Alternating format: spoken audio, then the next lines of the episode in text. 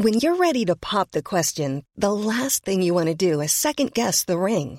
At Bluenile.com, you can design a one of a kind ring with the ease and convenience of shopping online. Choose your diamond and setting. When you find the one, you'll get it delivered right to your door. Go to Bluenile.com and use promo code LISTEN to get $50 off your purchase of $500 or more. That's code LISTEN at Bluenile.com for $50 off your purchase. Bluenile.com code LISTEN. Ryan Reynolds here from Mint Mobile. With the price of just about everything going up during inflation, we thought we'd bring our prices down. So to help us, we brought in a reverse auctioneer, which is apparently a thing.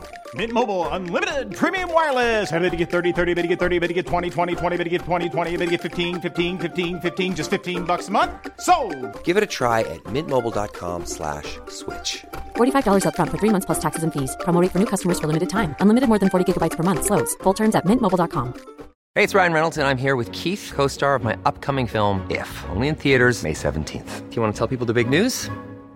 All right, I'll do it. Sign up now and you'll get unlimited for $15 a month and six months of Paramount Plus Essential Plan on us. Mintmobile.com slash switch. Upfront payment of $45 equivalent to $15 per month. Unlimited over 40 gigabytes per month. Face lower speeds. Videos at 480p. Active Mint customers by 531.24 get six months of Paramount Plus Essential Plan. Auto renews after six months. Offer ends May 31st, 2024. Separate Paramount Plus registration required. Terms and conditions apply if rated PG. Helt siden de første menneskene slo seg ned i Trøndelag, har det blitt observert underlige lys over Hessdalen. Fenomenet har blitt forsøkt bortforklart som syner sett av bygdetullinger og deliriske hallusinasjoner forårsaket av den lokale drikkekulturen. Men det skulle vise seg at fenomenet stakk langt dypere, når Hessdalen-fenomenet fikk verdensomspennende oppmerksomhet i ufo-miljøet på 1980-tallet. Fenomenet er fremdeles der, og det er fremdeles like uforklarlig som den gang. I 2024 kommer en podkastserie i seks deler, produsert av Project Hessdalen, som kanskje en gang for alle skal finne svar på hva som rører seg på himmelen i denne bortgjemte dalen i Trøndelag. Serien har som seg hør og bør fått tittelen A Blaze in the Northern Sky, og den kommer til din favorittpodkastavspiller i 2024.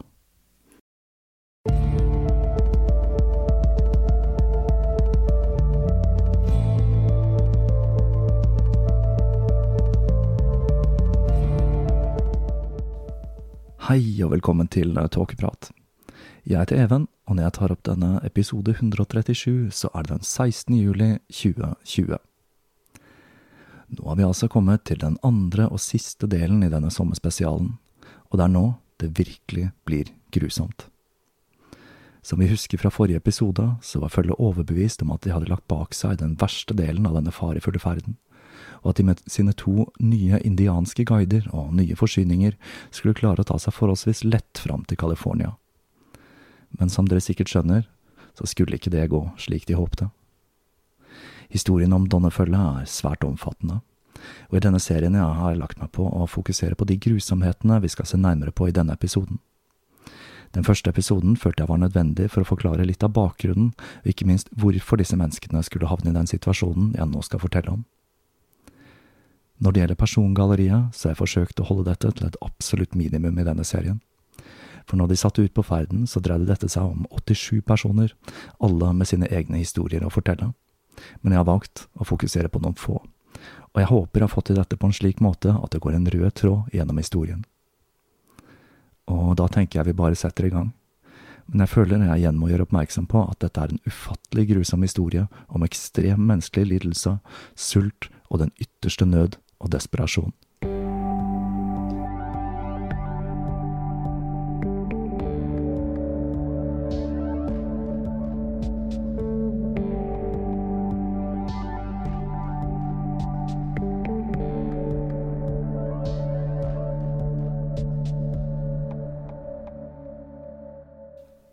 Når nybyggerne hadde lagt tilbake hoveddelen av den farefulle ferden, hadde de fremdeles en fryktinngytende hindring igjen.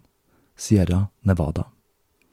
I dag ligger denne fjellkjeden, som er nesten like stor som Alpene i California, med topper som strekker seg mer enn 3600 meter over havet. I tillegg til de enorme stigningene, så byr Sierra Nevada på enda en utfordring – ekstremvær. Nettene ble kaldere og teppene til følge var dekket med rimfrost om morgenene. Foran dem kunne de se at fjelltoppene var dekket av skyer, og de skjønte at det nå hastet med å komme seg over den siste kneika og fram til California. Følget brøt opp i mindre grupper, med Breen-familien og noen andre i front, og med Donner-klanen diltende etter. Målet var et pass i Sierra Nevada-fjellene, som ligger over Truckagee-innsjøen. Snøen hadde allerede begynt å legge seg, noe som gjorde at det å ta seg frem ble enda mer utfordrende. Men de forsøkte like fullt. Det var nå eller aldri.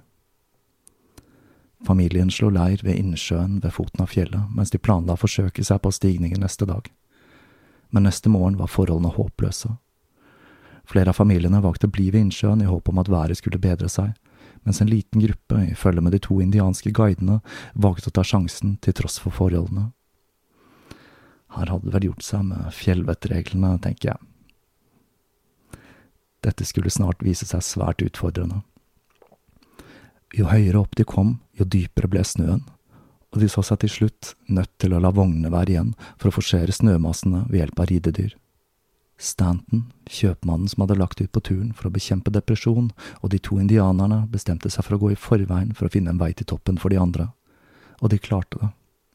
Men da de kom tilbake til gruppen, så var de så utslitte at de hadde gitt opp. De hadde tent et bål og sa at de ikke orket å gå en meter til den dagen, og at de heller ville prøve neste dag men den natten begynte det å snø enda tyngre, og når det neste følget nådde dem dagen etter, fant de følget nesten begravet i snødrevet.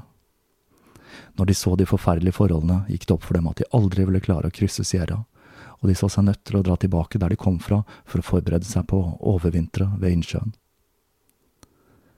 Samtidig som følgeren forsøkte å forsere Nevada, hadde James Reed nådd Sutters Fort, han håpte at følget hadde klart å ta seg gjennom passet i tide da han innså at fjellpartiet var i ferd med å snø igjen.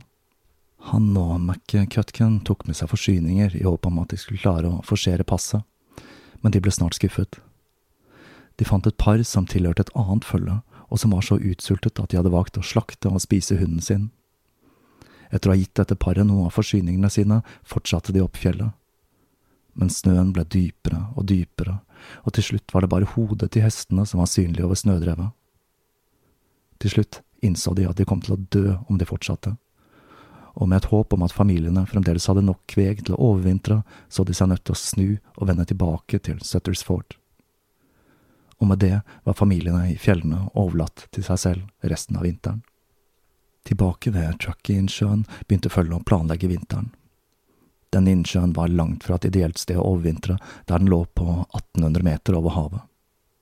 Det første de trengte å gjøre, var å bygge seg ly for vær og vind. Heldigvis var det allerede en hytte langs innsjøen, etterlatt av en annen nybygger som hadde sett seg nødt til å overvintre der. Den var i forferdelig stand, men det var bedre enn ingenting, og Breen-familien flyttet inn i den, mens resten av familiene begynte å felle trær for å bygge sine egne.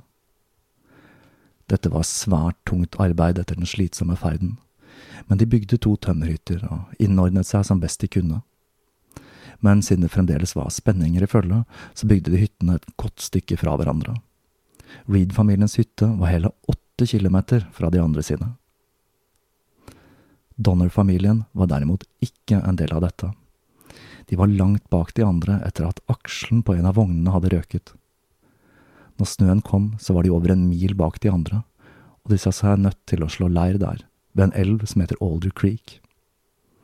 De forsøkte å bygge en hytte, men da de ikke hadde nok materialer, så de seg nødt til å sette opp improviserte telt som besto av tepper og slikt, spent opp mot trær. Totalt var 81 mennesker fanget i snødrevet, og mer enn halvparten av dem var under 18 år, og det var flere småbarn og babyer med. Emigrasjonen vest var nemlig en familieaffære, og det var vanlig at barn ble født underveis. De hadde lite proviant, og den de hadde ble solgt til skyhøye priser til de som ikke hadde noe å livnære seg på. Stemningen var generelt dårlig, kan du vel si. Men de skulle da ha noe jaktlykke, og blant annet så klarte de å felle en grizzlybjørn, noe som må sies å være en bragd med datidens våpen. Den første stormen som traff gruppen, varte i hele åtte dager. Snøen lavet så å si konstant ned. Men de hadde ikke helt gitt opp håpet. Den 12. november forsøkte noen av de sprekeste gruppene å ta seg gjennom passet, men igjen så gjorde den dype snøen dette umulig. det skulle bli flere forsøk. Når det kom et par dager med godvær den 21. november, satte enda en gruppe ut for å forsøke å forsere passet, men med samme resultat. Gruppen bestemte seg for å forsøke igjen den 26. om været holdt, men da ble hele planen stoppet av enda en snøstorm. De var nå fanget, og realiteten om at de var nødt til å overvintre der i fjellet, begynte å synke innover gruppen. Snøværet begravet de spartanske hyttene slik at de var nødt til å grave rundt dem for ikke snø inne, noe som førte til at det bygdes opp snøvegger rundt hyttene. Disse beskyttet mot vær og vind, men ga oss en følelse av innestengelse. Enda en ulykke skulle ramme dem. De hadde ikke tjoret dyrene sine, og disse snødde ned og frøs i hjel, og de klarte ikke å finne dem under snøen. Så de som allerede hadde for lite mat, hadde nå enda mindre å rutte med. Ting så skikkelig svart ut. Nå begynte sulten å innhente familiene. De begynte å få de samme symptomene vi husker fra serien om Jack Hornby. Det ble sakte redusert til levende skjeletter, og beina som stakk ut, gjorde at det å sitte og ligge ble smertefullt. Det meste av tiden ble brukt på å sitte samlet rundt bålet i et desperat forsøk på å holde varmen. I donnerteltene klarte de ikke lenger å holde liv i bålet, og klærne til barna i familien var konstant søkkvåte, så Tamsin Donner holdt dem i senga hele dagen i et fåfengt håp om at dette ville hjelpe dem å holde varmen. Disse begredelige tilstandene gjorde det selvsagt ekstremt krevende å finne ved, og det gjorde at mange dager ble tilbrakt hutrende under tepper uten en ild å varme seg på. Tidlig i desember var forholdene så ille at Franklin Graves, den 57-årige patriarken i Graves-familien, bestemte seg for at det ikke var noe annet alternativ enn å forsøke å forsere fjellet igjen, men denne gangen med en plan og riktig utstyr. Han begynte å lage truger og gikk fra hytte til hytte for å få med seg dem som fremdeles mente at de hadde styrke igjen til å forsøke seg på passet som hadde bydd på så mye problemer ved tidligere forsøk. Graves sendte Milt Elliot og Noah James til Donner sin, eh, sine telt for å spørre om de kunne låne et kompass, noe som ville være helt nødvendig dersom været igjen skulle bli dårlig. Men like etter de hadde dratt, så kom det igjen en snøstorm, som skulle vare i hele fire og en halv dag. Når denne endelig ga seg, og de ikke hadde hørt noe mer fra de to, bestemte de seg for å forsøke uten kompass, da de gikk ut ifra at de to hadde fryst i hjel under stormen. Mens eh, ekspedisjonen gjorde seg klare for dette desperate fluktforsøket den 15. desember, ble gruppen rammet av det første dødsfallet. En person vi vet veldig lite om, Bajalis Williams, ble sagt å ha blitt gal, og han døde. Mye sannsynlig av utmattelse og kulde da han ikke tilhørte noen av familiene og ikke fikk tilstrekkelig med mat til å holde seg selv i live. Morgenen den 16. desember dro ekspedisjonen av gårde. Denne gruppen besto av svært unge menn og kvinner som sto overfor et grusomt dilemma. Skulle de risikere livet, eller bli igjen og se sin egen familie dø en sakte og grusom død?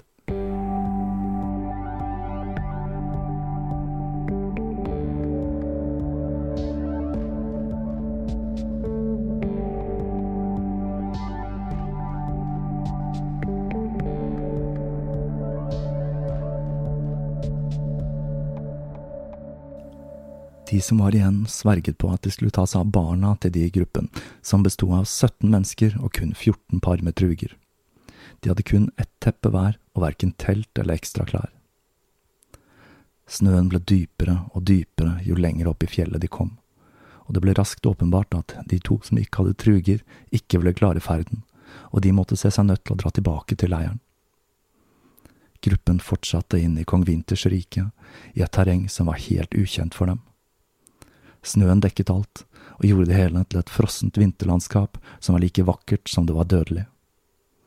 Den andre dagen nådde de passet, men på den tredje dagen kom enda en snøstorm som gjorde ferden mer og mer vanskelig. Stanton, som allerede hadde vært i Sutters Fort og hadde kommet tilbake med forsyninger, ble rammet av snøblindhet. Den 21. desember satt han bare ved bålet og røkte på pipen sin. De spurte om han ikke skulle være med videre, og han forsikret dem om at han ville følge etter, så han ble etterlatt der, ved ilden, for å dø. Den 24. desember begynte situasjonen å bli desperat for gruppen. De hadde gått flere dager uten mat, og de begynte nå å diskutere den siste muligheten. skulle de, som sjømenn pleide å gjøre, trekke lodd om noen var villig til å ofre seg slik at de andre kunne leve. Noen var villige, men ikke alle, så de gikk bort ifra denne ideen for denne gang. Igjen så kom en snøstorm, og svake som de var, var de ikke i stand til å gjøre noe annet enn å lage et improvisert ly av teppene og vente på godvær. Nå orket de ikke engang å tenne bål, og folk begynte å dø. Den første var en meksikaner, og den neste var Frank Graves, som ba døtrene om å bruke kroppen hans som mat. Stormen varte i tre dager, og Patrick Dolan, ungkaren som hadde reist med Reed-familien, ble rammet av hypotermi, så han kledde av seg og løp ut i snøværet. De andre klarte å hanke han inn igjen, men da var det for sent, og han døde der i sirkelen med mennesker som forsøkte å overleve under teppet. Like etter døde en ung gutt i gruppen. Når stormen endelig ga seg, var det ikke lenger noe spørsmål. De måtte ty til kannibalisme for å overleve, og de bestemte seg for å spise Dolan, da han ikke hadde noen slektninger blant resten av følget. Dette er en vanlig praksis i overlevelseskannibalisme. Man spiser først de man ikke er i slekt med, og det er jo ganske forståelig. De begynte den groteske prosessen med å skjære små biter kjøtt fra armer og ben, noe som var svært utfordrende i kulda. Tenk på hvordan det er å skjære i en frossen steik her. De stekte bitene over et bål de hadde klart å få i gang. Fem mennesker hadde dødd, og fem mennesker skulle bli spist. Gruppen besto nå kun av fem menn og fem kvinner. De presset på videre mot vest, uten at de var helt sikre på om de gikk i riktig retning. Den 5. januar døde svigersønnen til Franklin Graves, og liket hans tjente også som mat for gruppen. Som en ekstra grotesk detalj så var kona hans, Sarah Graves, med på ekspedisjonen og fremdeles i live.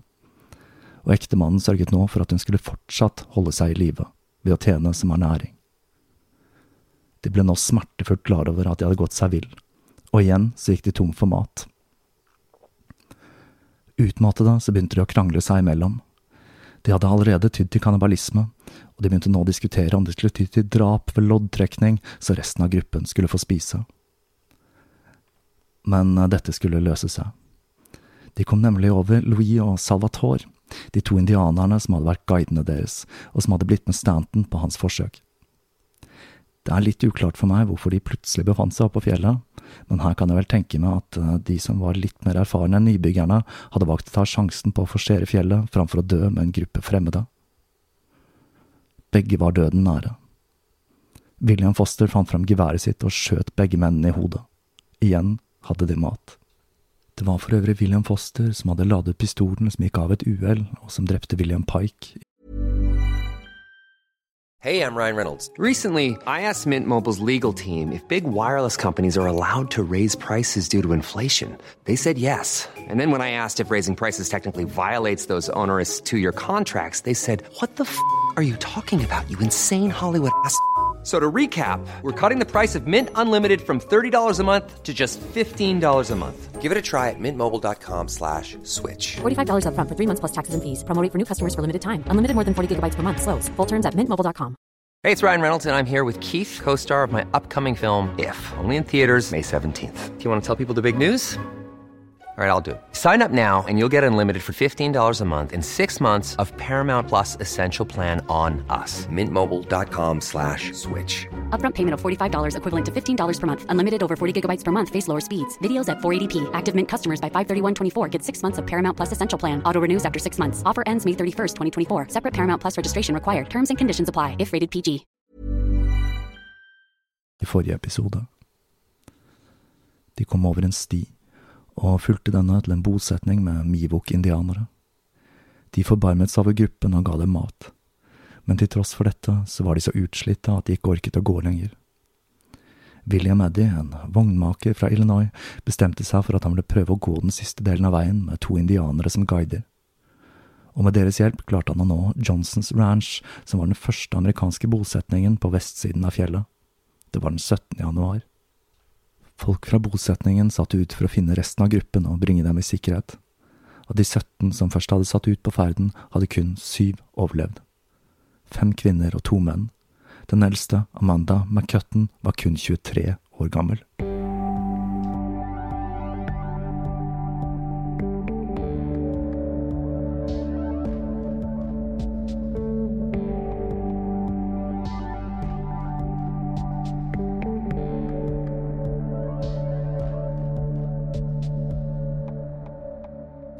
Tilbake i leiren dukket plutselig Milt Elliot opp, lys levende. Han fortalte at han og Noah James hadde blitt overrasket av snøstormen, men at de hadde klart å komme seg fram til Donner-teltene og vært der i ti dager. Men han hadde med seg tragiske nyheter. Folk hadde begynt å dø der. Fire stykker hadde omkommet, og resten av gruppa der var i svært dårlig forfatning. Julaften kom, og familiene i hyttene fikk den mest uønskede hvite julen de noen gang skulle oppleve. I Reed-hytta hadde Margaret Reed stukket unna noen forsyninger for å få økende stellestand av en julemiddag til barna. De så storøyde på mens Margaret kokte sammen en liten bit bacon, litt innmat, et par tørkede epler og noen få bønner, noe som under forholdene var et herremåltid. Margaret ba barna spise sakte, og sa at i kveld kan dere få alt dere vil. Totalt var det 61 gjenlevende i hyttene, og siden alle de sterkeste voksne hadde bitt seg i kast med fjellet, var to tredjedeler av dem barn, noe som gjorde det vanskelig å forsøke seg på jakt eller skaffe ved. Matforsyningene forsvant sakte hen, og når de til slutt gikk tomme, så begynte de å gyve løs på alt som kunne tenkes å inneholde noen form for næring. De skar remser med skinn av oksehud som de først grillet over glør, før disse ble kokt ned til en uappetittlig, geléaktig substans. Men det var i det minste en form for vomfyll. Charlie, som var en av de som hadde måttet vende tilbake fra trugeekspedisjonen, var den neste som døde, og eiendelene hans ble fordelt mellom de gjenlevende. Ting ble mer og mer desperate, og da Margaret Reed innså at de snart hadde absolutt ingen mat igjen, så bestemte hun seg for at det var ingen annen utvei å ta enn å ta med seg to av sine arbeidere og sitt eldste barn, den 13 år gamle Virginia, for å forsøke på å gå over fjellet. En idé åpenbart født ut av sult og nød men Margaret var ikke villig til å sitte der i hytta og vente på å dø. Hun bestemte seg for at de tre yngste barna, på tre, fem og åtte, var for unge til å bli med, så hun gikk rundt til alle de andre familiene og spurte om noen var villige til å ta seg av dem. Og Graves-familien var de eneste som takket ja til å ta inn de tre små barna. De bega seg ut på ferden mandag den 4. januar, i et strålende vær. De gikk oppover fjellet og oppdaget snart hva alle som har gått i fjellet vet. Bak den neste åskammen kommer en ny, og bak den enda en, dersom man aldri får toppen i sikte. En av arbeiderne hennes, Eliza Williams, ga opp etter den første dagen, men mor og datter og den andre arbeideren, Milt Elliot, valgte å fortsette. Ferden ble tøffere og tøffere, og Virginia måtte tidvis krabbe på alle fire for å kunne ta seg fram. De innså etter hvert at de også burde ha lagd truger, og de forsøkte på dette, men etter hvert så innså de at de var i ferd med å gå inn i den sikre død, og de bestemte seg for å snu. Fire dager etter de hadde lagt ut på ferden, så kom de tilbake til hytta. Men nå hadde de ikke lenger noe tak. Margaret hadde nemlig brukt taket, som var laget av okseskinn, til å lage mat til turen og til de gjenværende barna. Desperat forsøkte de å tekke taket så godt de kunne, men familien måtte splittes mellom hytta deres og hytta til Breen-familien. Virginia var så utslitt etter forsøket på å krysse fjellet at de alle nå forventet at hun var den neste som skulle dø. Dagen etter det lille følget hadde kommet tilbake, begynte en ny snøstorm. Innesperret i hyttene ble livet stadig mer brutalt. Det var umulig å vaske seg, og lukten av svette og røyk lå tungt i hyttene, hvor familien måtte tilbringe dagevis sperret inne av snøstormer. Og kanskje aller verst var lusen. De plagde barna så fælt at de klødde seg til blods. Harriet på ett år, som var datteren til Amanda som hadde dratt på trugeekspedisjonen, var spesielt plaget, og de så seg nødt til å binde fast armene hennes for å forhindre at hun skulle skade seg selv. Men det forhindret ikke de desperate barneskrikene som skar gjennom vintervindene. Den 22. januar begynte snøstormen på ny. Snøen lavet ned, og vinden skrek rundt de provisoriske hyttene. Mens stormen pågikk, døde sønnen til Filippin Keseberg, Louis jr., som var et spedbarn som hadde blitt født på turen mot California. Mer død skulle følge. Landruff Murphy, hvis to eldre søstre og svigerbror hadde bitt seg ut med trugeekspedisjonen, var bare 17 år. Men han var nå mannen i familien, og gjorde alt han kunne for å bidra med arbeid. Landrum hadde blitt en slags surrogatfar for de gjenværende barna i familien, og i tillegg til å jobbe hele dagen, så tok han seg av de yngste. Men lite mat og ekstrem fysisk utmattelse gjorde at han mot midten av januar ble hva som blir beskrevet som gal og døden nære. De andre familiene forsøkte å fø på han med det lille de hadde, men den siste dagen av januar så ga han opp og avgikk med døden. Tre måneder etter de hadde sett seg nødt til å overvintre, døde folk som fluer. McKitken ble spedbarnet den 2. februar, Eddie-babyen den 4., moren til babyen den 7., Augustus Spitzer den 8., Milt Elliot den 9. og Landrum den 31. januar. De overlevende visste ikke hva de skulle gjøre med likene, å begrave dem var utenkelig, for ikke å si umulig. Så med de siste kreftene de hadde, så dro de likene ut av hyttene og begravet dem i snøen. Den lille hunden til Reed-familien, Cash, hadde utrolig nok overlevd, men han måtte til slutt bøte med livet for å tjene seg mat. Senere skulle Virginia Reed fortelle at de spiste alt, labber, skinn, hode, alt som kunne tjene som næring.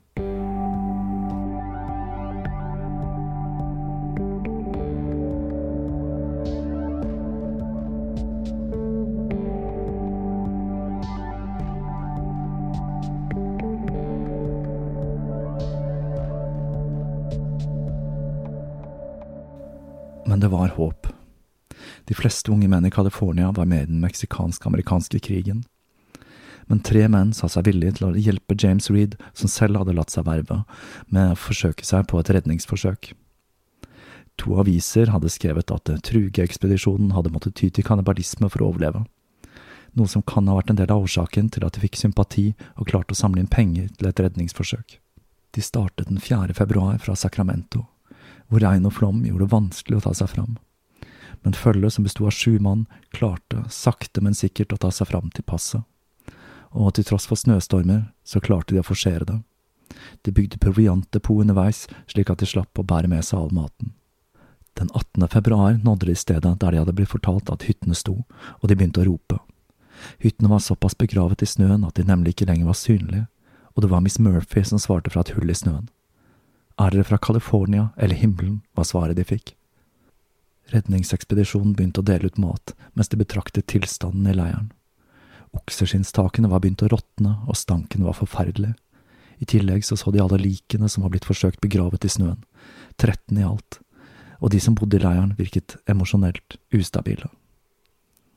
Tre fra redningsekspedisjonen dro over til Donner-leiren, og de kom tilbake med fire barn og tre voksne som alle var utmagrede og hadde problemer med å gå.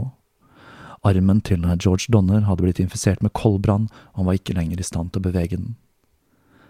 Totalt 23 mennesker ble valgt ut til å bli med tilbake, mens 21 måtte bli igjen og vente på neste redningsekspedisjon. Men på vei tilbake så oppdaget de at forsyningsdepotet de hadde bygget, hadde blitt raidet av dyr, og igjen begynte sulten å innhente følge, og døden innhentet de overlevende. John Denton var den første som døde, og Ada Keseberg like etter. Moren ble så desperat av sorg at hun nektet å slippe liket til datteren, og insisterte på å bære det med seg. Etter hvert begynte de å spise skinn fra bukser og skolisser for å forhindre at flere skulle dø. Men når alt så som mørkest ut, så møtte de på enda en redningsekspedisjon ledet av James Reed, og hans kone Margaret falt på kne i snøen av lykke over å høre ektemannens stemme igjen. Men for de som var igjen i leiren, hadde helvete bare så vidt begynt. Det var, dette var de aller svakeste som redningsekspedisjonen mente ikke hadde overlevd ferden over fjellet. Det var Peggy Breen som nå var sjefen i leiren, men det var den 20-årige Mary Donner som først foreslo det åpenbare. De kunne spise likene de hadde begravet i snøen. De andre var enige, og når Patrick Breen fant styrken til det, klatret han opp på snøen med en kniv og begynte å skjære av likene. De tilbrakte dager der i snøhulene, de fleste av dem barn, mens de spiste av sine avdøde slektninger. De fleste var ikke i stand til å klatre opp veggene av snø som omga hyttene, og de var nødt til å gjøre fra seg langs hytteveggen, noe som har gjort den allerede groteske stemningen, og ikke minst lukta, enda verre. Peggy Breen hørte redningsmennene før hun så dem. Noen sa, Der er Mrs. Breen, utrolig nok, fremdeles i live. Følget som ankom den 1. mars, besto i tillegg til Rena McCutkin av erfarne fjellfolk, og de ble møtt av et grusomt syn. De overlevende hadde begynt å spise av likene til to av de døde barna, i tillegg til Elizabeth Graves, som de hadde spist brystene, hjerte, lever og lunger på. I Breen-hytta var de overlevende i relativt god forfatning, men det gjaldt ikke Murphy-hytta, hvor Levina Murphy, som var sterkt redusert mentalt og nesten blind, tok seg av to små barn, og hvor Louis Casseberg hadde flyttet inn med et brukket ben og var ute av stand til å gå. Dette var et syn som skulle prege redningsmennene resten av livet.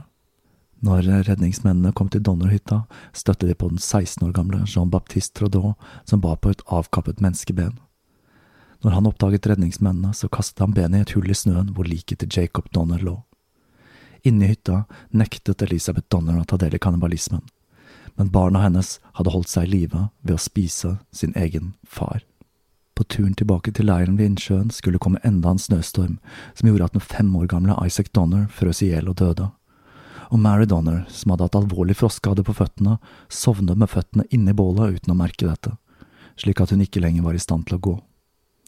Etter stormen var Breen og Graves-familien, totalt ni stykker, så utsultede og utslitte at de ikke orket mer, og redningsfølget så seg nødt til å la dem bli igjen. William Foster og William Eddy, som begge hadde vært med på Truge-ekspedisjonen, var på vei med den tredje redningsekspedisjonen, og de møtte på følget til Reed, som til tross for å være utsultet og utslitte, fremdeles var i live. De klarte å overtale to fra denne ekspedisjonen til å bli tilba med tilbake til leiren for å redde de siste overlevende. Foster Eddie kom til leiren den 14. mars, og oppdaget at alle barna deres var døde, og verst av alt, Eddie oppdaget at sønnen hans hadde blitt spist. George og Tamson Donner var fremdeles i live, i tillegg til fire barn, og Mrs. Murphy, Trudeau, Clark og Louis Keseberg. De tok med seg Trudeau, Clark og barna, men Thamsen nektet å forlate ektemannen sin, til tross for at hun ble fortalt at det ikke var planlagt flere redningsekspedisjoner. Breen og Graves-familiene ble ført ut av John Stark, som ikke må forveksles med John Snow her. Han nektet å la dem dø der i villmarka. En måned senere ble det satt i gang en ekspedisjon som skulle samle sammen Donner sine eiendeler for å forsørge de foreldreløse barna. Teltene til Donner-familien var tomme, bortsett fra liket til George Donner, som tydelig hadde dødd kun noen få dager tidligere. På vei tilbake til Truckagee fant de Louis Keseberg fremdeles i live. Han fortalte at Miss Murphy hadde dødd kun en uke etter den siste redningsekspedisjonen, og at Tamson Donner hadde kommet til hytta noen uker senere, gjennomvåt og utslitt, og hadde fortalt at mannen var død og at hun ønsket å gå over fjellet. Han hadde sagt at hun kunne hvile ut og fortsette på ferden over fjellet neste dag, men hun hadde dødd i løpet av natten. De ble svært skeptiske da de i tillegg til George Donners verdigjenstander fant en gryte med menneskekjøtt i hytta men Keseberg sa at det var Tamsen som hadde bedt han ta vare på verdisakene, slik at det kunne komme barna deres til gode. Keseberg var den siste gjenlevende fra følget som skulle komme levende til Sutters Fort. Av de 87 som la ut på ferden til California, var det bare 48 som overlevde, og de bar på sår som aldri helt skulle leges etter å ha vært med på denne mest spektakulære av tragedier i Californias historie.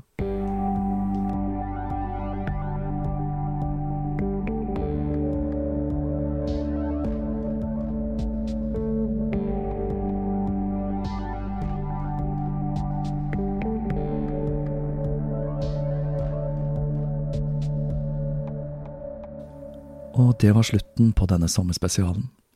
Jeg vet ikke helt hva det er med meg og sommer, men jeg har en tendens til å fråtse i skrekk og gru i sommervarmen. Jeg føler jo at det har gjenspeilet seg i disse sommerspesialene. Fra den forferdelige historien om Sylvia Likens, og så menneskeofringer, og nå kannibalisme. Nå er tiden inne for meg for å ta en liten podkastferie. Her er det mye som må leses og gjøres i stand før det braker løs med nye episoder til høsten og i tillegg så planlegger jeg litt slaraffenliv i sommervarmen, også kjent som ferie. Men dere skal få et lite podkast-tips her helt til slutt. Den eminente podkasten Behind the Bastards, som sikkert flere av dere kjenner til, kom nylig med en serie i seks deler om det amerikanske politiet, Behind the Police.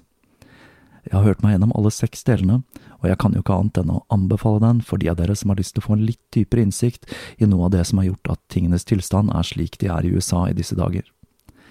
Serien er et dypdykk i det amerikanske politivesenet, tilbake til slaveriet, og tar for seg ting som blant annet koblingen til Kukus Klan, og går gjennom historien helt fram til vår tid, med ting som militariseringen av politiet og TV-serien Cops. Den er i alle fall et forslag fra meg for de som ønsker mer podkast i sommer. Fram til vi høres igjen til høsten, så vil jeg takke alle dere patrions, både gamle og nye, i tillegg til alle dere som har fulgt denne podkasten så langt i år. Linker, nettbutikk og lignende finner dere på tåkeprat.com. God sommer.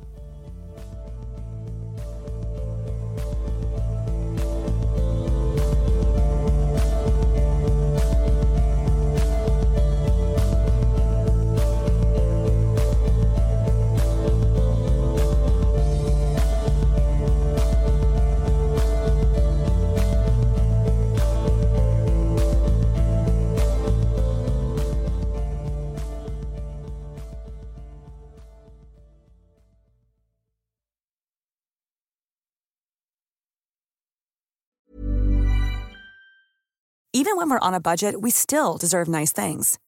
Quince is a place to scoop up stunning high-end goods for 50 to 80% less than similar brands. They have buttery soft cashmere sweaters starting at $50, luxurious Italian leather bags, and so much more. Plus, Quince only works with factories that use safe, ethical, and responsible manufacturing. Get the high-end goods you'll love without the high price tag with Quince. Go to quince.com/style for free shipping and 365-day returns.